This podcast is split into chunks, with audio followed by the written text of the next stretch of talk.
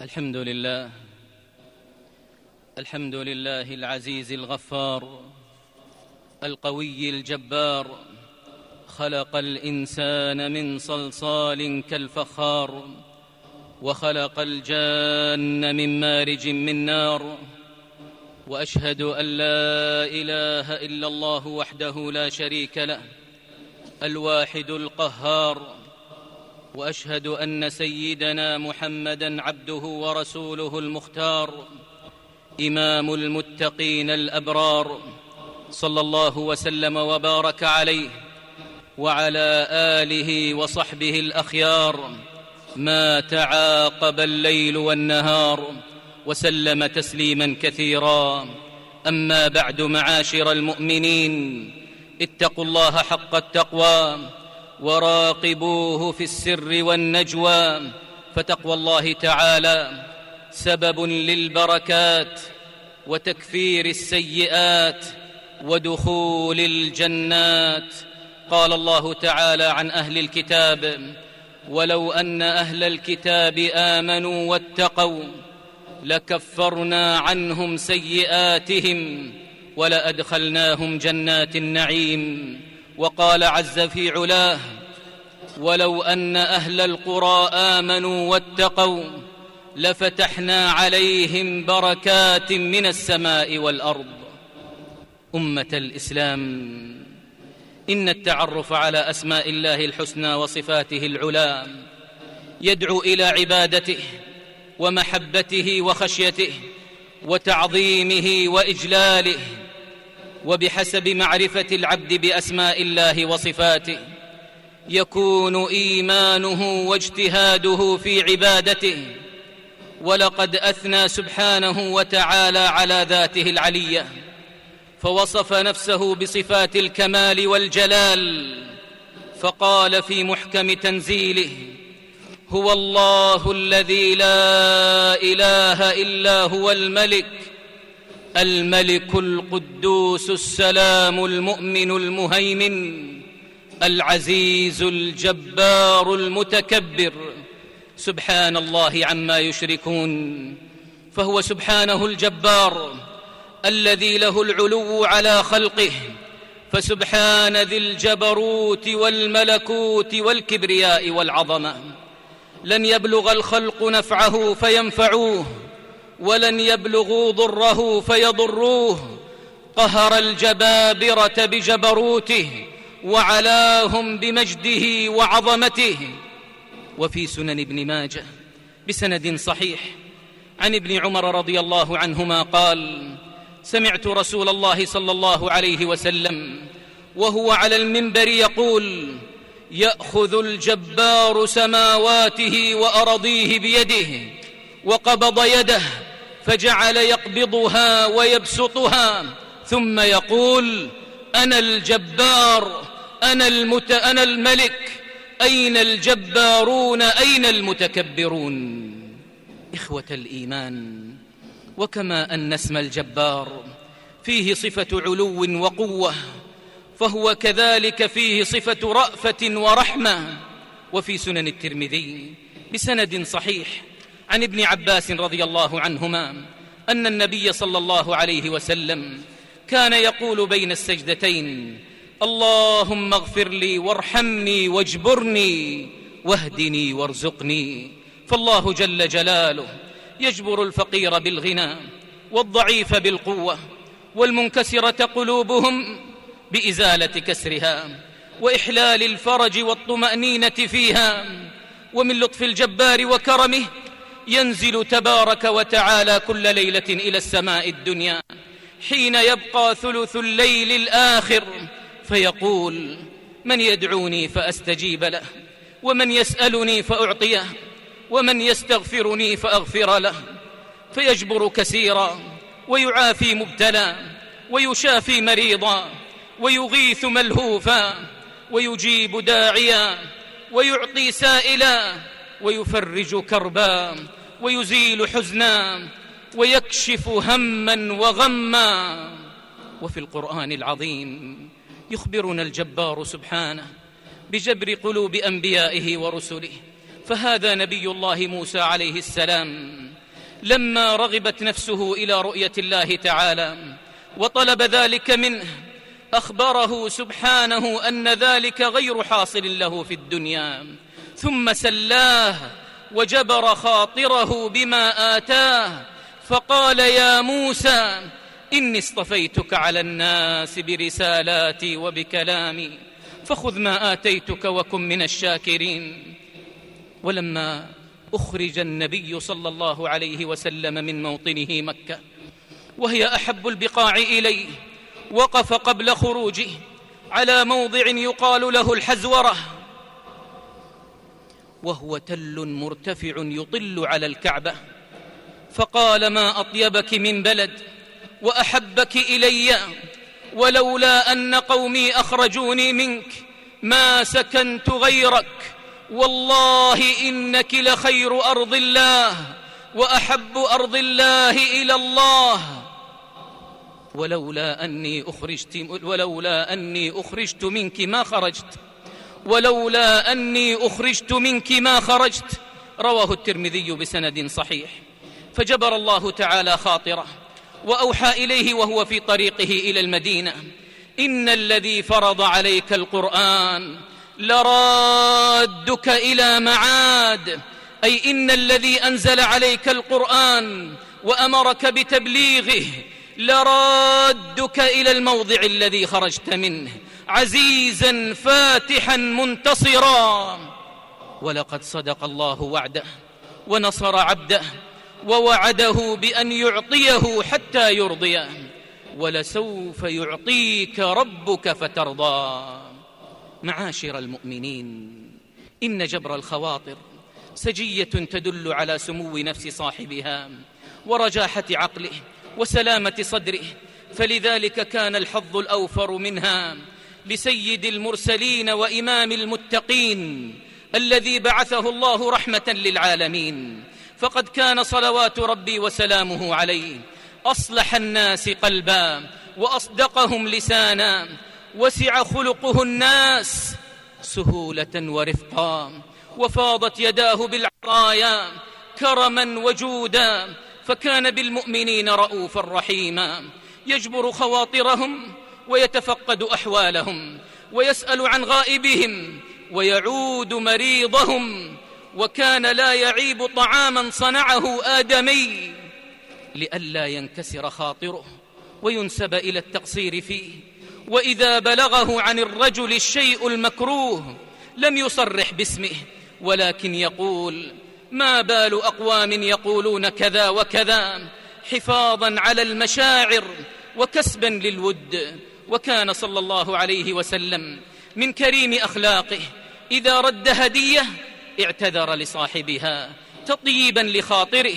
ففي الصحيحين أن الصعب بن جثامة رضي الله عنه أهدى لرسول الله صلى الله عليه وسلم حمار وحش وهو بالأبواب وهو محرم فرده صلى الله عليه وسلم. قال صعب. فلما عرف في وجهي رده هديتي. قال ليس بنا رد عليك. ولكنا حرم. ولكنا حرم. أي المحرم لا يأكل مما صيد من أجله. ومن, صب ومن صور جبره صلى الله عليه وسلم للخواطر. ما أخرجه الترمذي في سننه بسند حسن. عن جابر رضي الله عنه قال لقيني رسول الله صلى الله عليه وسلم. فقال يا جابر ما لي أراك منكسرا. أي منكسر البال والخاطر. مهموما حزينا.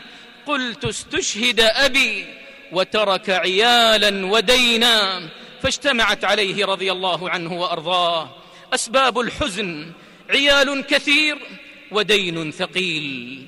فقال رسول الله صلى الله عليه وسلم جابرا لقلب جابر أفلا أبشرك بما لقي, لقي الله به أباك؟ أفلا أبشرك بما لقي الله به أباك؟ قلت بلى يا رسول الله. قال ما كلم الله أحدا قط إلا من وراء حجاب وأحيا أباك فكلمه كفاحا فقال يا عبدي تمن علي أعطك. يا عبدي تمن علي أعطك.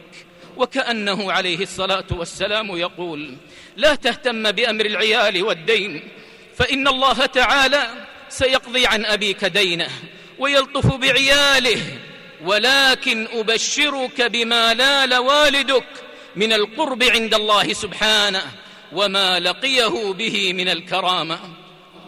ولا شك إخوتي الكرام أن فقد الولد صدع في الفؤاد وسبب للحزن والانكسار يحتاج من أصيب بذلك إلى من يجبر خاطره. إلى من يجبر خاطره ويطيب نفسه ففي سنن النسائي بسند صحيح. أن رجلا من أصحاب النبي صلى الله عليه وسلم توفي ولده فانعزل عن الناس فلما فقده النبي صلى الله عليه وسلم قال ما لي لا أرى فلانا. قالوا يا رسول الله بنيه الذي رأيته هلك.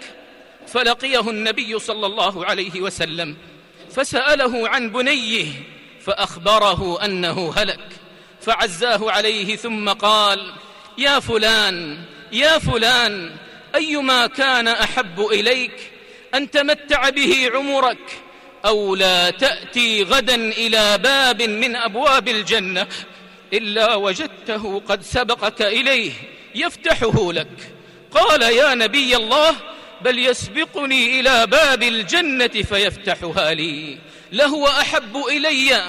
قال فذاك لك فذاك لك. وكشفت الريح يوما عن ساقي ابن مسعود رضي الله عنه فضحك القوم منه فجبر النبي صلى الله عليه وسلم خاطره وأعلى شأنه وبين مكانته عند ربه فقال والذي نفسي بيده لهما أثقل في الميزان من أحد. رواه الإمام أحمد. وللصغار في حياة النبي صلى الله عليه وسلم. نصيب من جبر الخواطر مع ما يحمله من قيادة الأمة وتكاليف تبليغ الدعوة. ففي مسند الإمام أحمد عن أنس رضي الله عنه قال كان رسول الله صلى الله عليه وسلم يدخل علينا وكان لي أخ صغير وكان له, نغ وكان له نغر يلعب به فمات. فدخل النبي صلى الله عليه وسلم ذات يوم فرآه حزينا فقال ما شأن أبي عمير حزينا؟ قالوا مات نغره قالوا مات نغره التي الذي كان يلعب به يا رسول الله. قالوا مات نغره الذي كان يلعب به يا رسول الله. فقال يا أبا عمير ما فعل النغير أبا عمير ما فعل النغير. وتأمل أخي المبارك كيف كانت مشاعر هذا الصبي الحزين؟ وهو يسترسل في حديثه وبث مشاعره وذكرياته لرسول الأمة صلوات ربي وسلامه عليه. وما لهذا الحديث من الأثر؟ في تسلية قلبه الصغير الكثير. إخوة الإيمان ويدخل في جبر الخواطر البشاشة والتهنئة والمصافحة والمعانقة والمشاركة في سرور وفرح أو في بكاء وترح. فهذه عائشة رضي الله عنها تذكرت في حادثة الإفك امرأة من الأنصار شاركتها في حزنها بدمعات بدمعات كان لها أعظم الأثر والمواساة. ففي الصحيحين قالت عائشة رضي الله عنها وقد, بكي وقد بكيت ليلتين ويوما لا يرقأ لي دمع ولا أكتحل بنوم حتى إني لأظن أن البكاء فالق كبدي. فبين أبواي جالسان عندي وأنا أبكي فاستأذنت علي امرأة من الأنصار فأذنت لها فجلست تبكي معي. فجلست تبكي معي. وهكذا حال كثير من أساليب جبر الخواطر.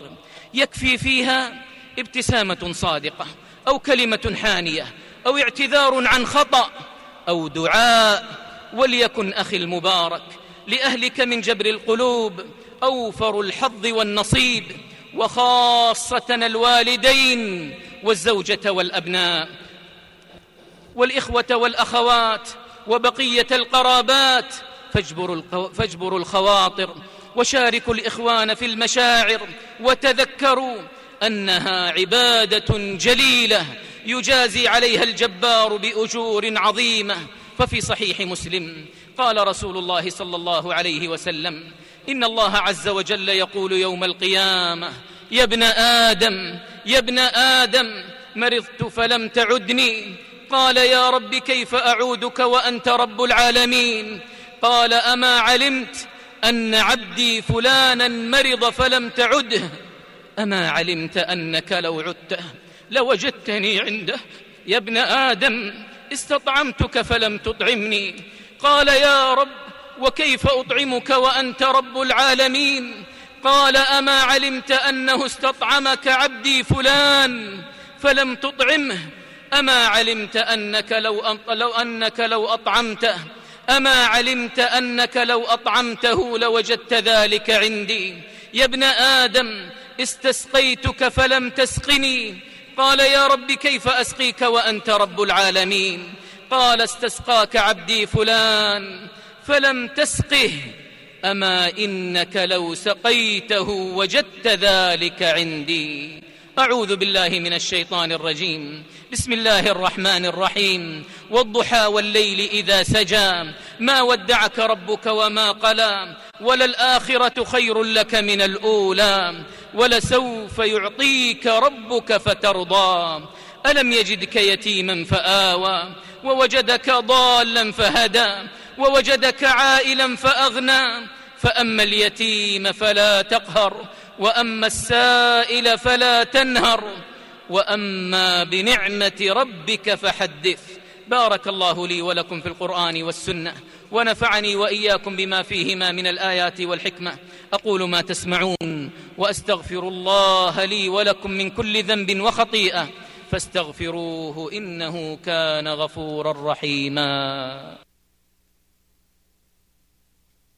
الحمد لله الحمد لله الذي بنعمته تتم الصالحات وله الحمد ملء الأرض وملء السماوات وأشهد أن لا إله إلا الله وحده لا شريك له وأشهد أن محمدا عبده ورسوله صلى الله وسلم وبارك عليه وعلى آله وصحبه وسلم تسليما كثيرا.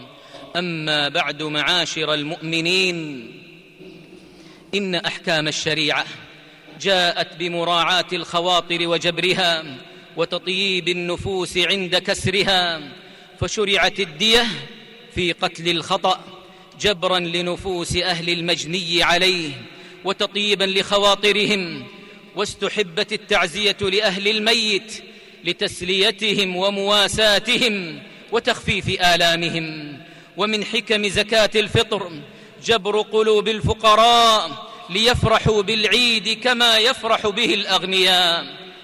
فمراعاة المشاعر وجبر الخواطر جزء من شريعة الإسلام وعبادة نتقرب بها إلى الرحمن. فصاحب النفس العظيمة والقلب الرحيم رؤوف بإخوانه رفيق بهم يجتهد لهم في النصح ويحب لهم الخير كما يحبه لنفسه. ولا يحمل في صدره غلا لهم ويتجاوز عن هفواتهم ويلتمس الأعذار لأخطائهم ويجبر خواطرهم ويطيب نفوسهم. وأما صاحب اللفظ الجافي والقلب القاسي فقد مضت سنة الله تعالى. أن ينفر الناس منه فلا يقبل منه توجيه ولا دعوة ولا تسمع منه نصيحة ولا يرتاح له جليس ولا يأنس به ونيس فبما رحمة من الله لنت لهم فبما رحمة من الله لنت لهم ولو كنت فظا غليظ القلب لانفضوا من حولك وفي صحيح مسلم من حديث أنس بن من حديث أنس بن مالك رضي الله عنه قال بينما نحن في المسجد مع رسول الله صلى الله عليه وسلم إذ جاء أعرابي فقام يبول في المسجد فقال أصحاب رسول الله صلى الله عليه وسلم مه مه يعني اكفف. فقال فقال رسول الله صلى الله عليه وسلم لا تزرموه دعوه. فتركوه حتى بال. ثم إن رسول الله صلى الله عليه وسلم دعاه فقال له إن هذه المساجد لا تصلح لشيء من هذا البول ولا القذر. إنما هي لذكر الله وإنما هي لذكر الله عز وجل والصلاة وقراءة القرآن. قال فأمر رجلا من القوم فجاء بدلو من ماء فشنه عليه. وزاد في صحيح البخاري أن ذلك الأعرابي قال وهو في الصلاة اللهم ارحمني ومحمدا ولا ترحم معنا أحدا. فلما سلم النبي صلى الله عليه وسلم قال له لقد حجرت واسعا يريد رحمة الله. اللهم اجبر خواطرنا برحمتك وفضلك.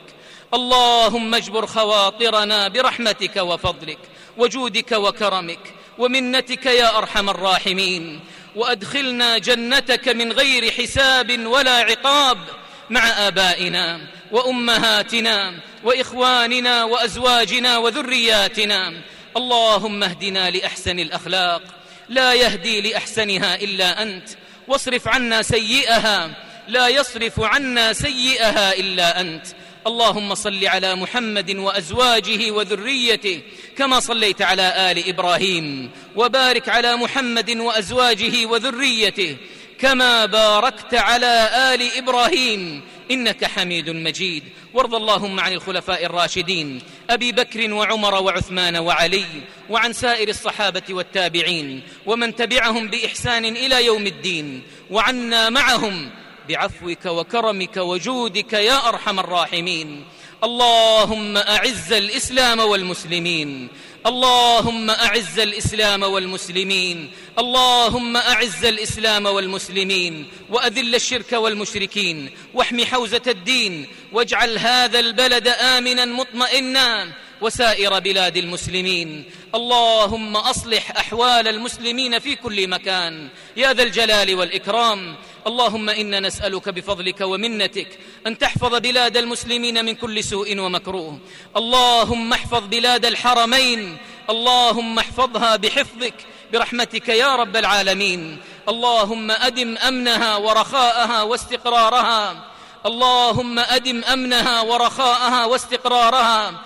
اللهم من أراد بلاد الحرمين بسوء فاجعل تدبيره تدميرا عليه. بقوتك وعزتك وجبروتك يا قوي يا عزيز. اللهم وفق خادم الحرمين لما تحب وترضى. واجزه عن الإسلام والمسلمين خير الجزاء. اللهم اجمع به كلمة المسلمين يا رب العالمين.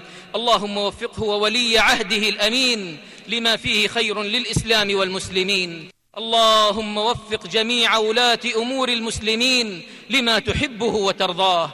اللهم انصر جنودنا المرابطين على حدود بلادنا. اللهم أيدهم بتأييدك واحفظهم بحفظك برحمتك يا رب العالمين. ربنا اغفر لنا ولإخواننا الذين سبقونا بالإيمان. ولا تجعل في قلوبنا غلا للذين آمنوا. ولا تجعل في قلوبنا غلا للذين آمنوا. ربنا إنك رؤوف رحيم. ربنا آتنا في الدنيا حسنة وفي الآخرة حسنة وقنا عذاب النار. سبحان ربك رب العزة عما يصفون وسلام على المرسلين والحمد لله رب العالمين